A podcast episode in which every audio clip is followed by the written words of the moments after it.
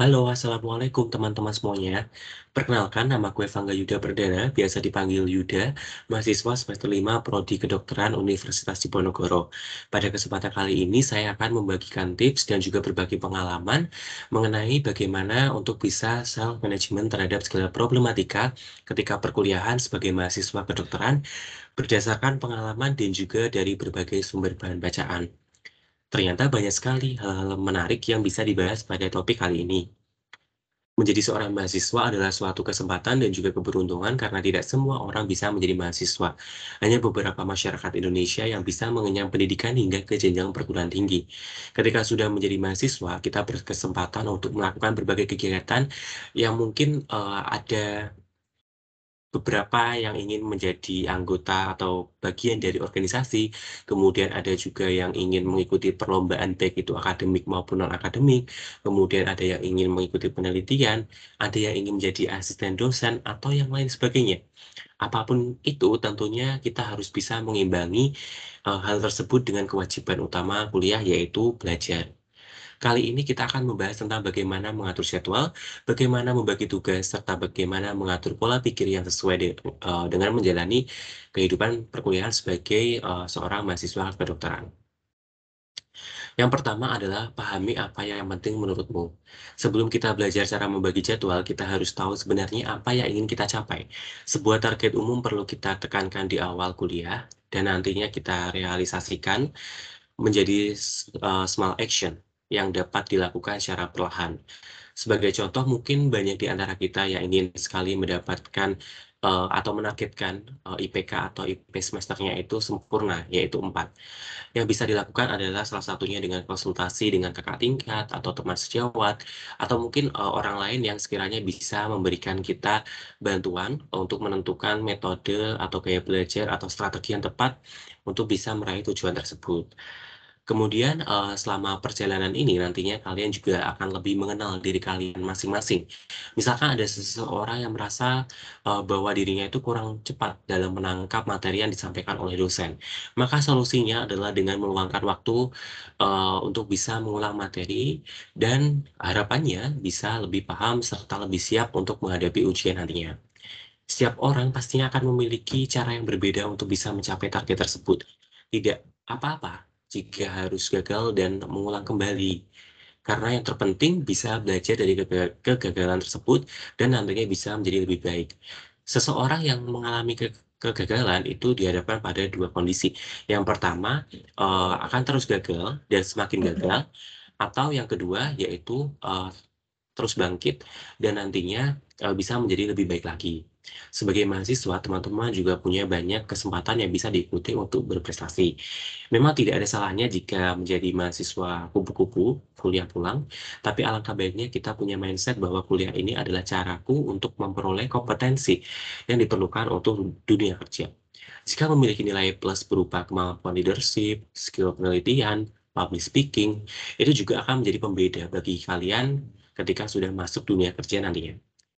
Oke, sekarang kita lanjutkan untuk pembahasan yang kedua, yaitu prioritaskan yang penting dan hindari yang tidak penting. Sebaiknya kita mengarahkan upaya untuk uh, lebih memperbanyak kegiatan yang sejalan dengan visi kita, Mem, uh, kegiatan yang lebih predictable, sehingga bisa melakukannya dengan tenang dan juga bijaksana.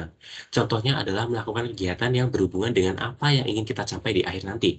Bisa berupa pengembangan skill baru, uh, mengikuti lomba, dan lain sebagainya. Konsep ini juga mengajarkan kita untuk melihat opportunity yang ada dan, dan bisa berpikir dengan cermat. Jangan lupa bahwa kita bisa mengatakan tidak apabila kegiatan tersebut tidak sesuai dengan visi kita pada akhirnya.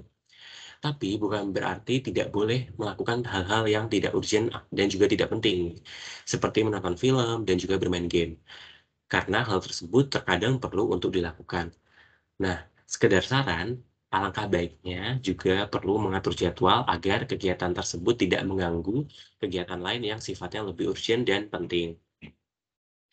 Lalu bagaimana cara untuk bisa mengatur waktu yang baik?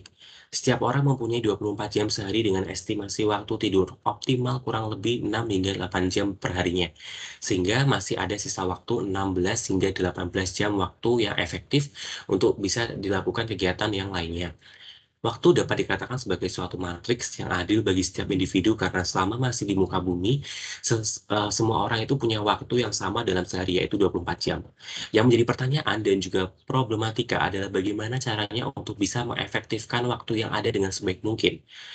Berdasarkan pengalaman saya pribadi, biasanya saya menggunakan Google Calendar untuk mengatur agenda dan juga bisa diberi label warna yang berbeda untuk bisa mempermudah identifikasi tugas atau kegiatan tersebut termasuk dalam kategori apa. Konsep yang bisa digunakan lainnya adalah uh, time boxing, di mana di awal bisa ditentukan durasi tetap untuk suatu tugas dan menyelesaikannya berdasarkan waktu yang sudah di, yang sudah ditentukan. Setiap weekend bisa melakukan evaluasi terkait dengan keberhasilan jadwal dan menyiapkan agenda untuk minggu berikutnya. Cara lain yang bisa teman-teman coba adalah dengan menggunakan notebook, sticky note, papan tulis, atau to-do list di Notion. Masing-masing uh, memiliki kelebihan dan juga, dan juga kekurangan, namun sejauh ini Google Calendar yang dikombinasikan dengan Notion itu lebih efisien menurut saya. Tentu saja itu uh, perlu disesuaikan lagi ya dengan karakter dari masing-masing uh, teman-teman nih. Terlepas dari apa metode yang teman-teman gunakan untuk mengatur waktu, ada beberapa prinsip yang bisa dipegang. Di antaranya adalah pastikan jadwalmu itu sifatnya fleksibel. Dalam artian kamu masih bisa melakukan hal lain dan jangan sampai karena kamu membuat pengaturan waktu yang cukup detail tersebut, itu justru membuat kalian tidak punya kesempatan untuk beristirahat sehingga timbul burnout. Eh, nah, dari sini eh, kita bisa mengambil uh, pembelajaran ya bahwa kita perlu menyisakan waktu untuk relaksasi dan juga uh, mengembangkan skill yang baru ya Nah, daripada kalian mengatur jadwal per harian, cobalah sesekali untuk mengatur jadwal itu per minggu. Cocok untuk kegiatan yang sifatnya itu berulang atau repetitif. Belum lagi ada kegiatan yang tidak bisa dilakukan ketika weekday, misalkan kalian ingin jalan-jalan ketika weekend.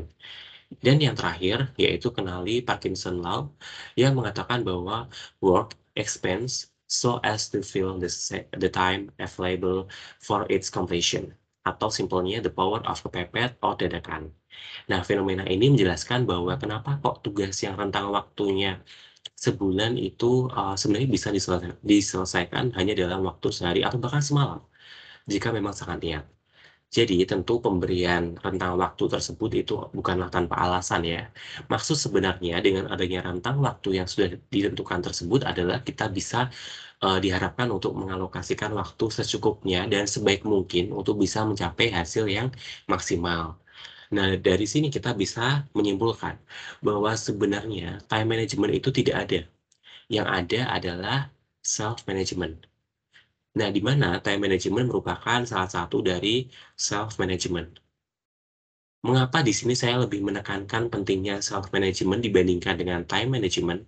Dikarenakan apabila seseorang itu uh, oke okay, mungkin sudah membuat uh, pengaturan waktu atau time management dengan sebaik mungkin. Tapi apabila orang yang bersangkutan itu tidak mempunyai komitmen dan juga tidak punya self management yang baik, maka pengaturan waktu itu pun juga akan sia-sia dan tidak akan uh, berjalan dengan lancar.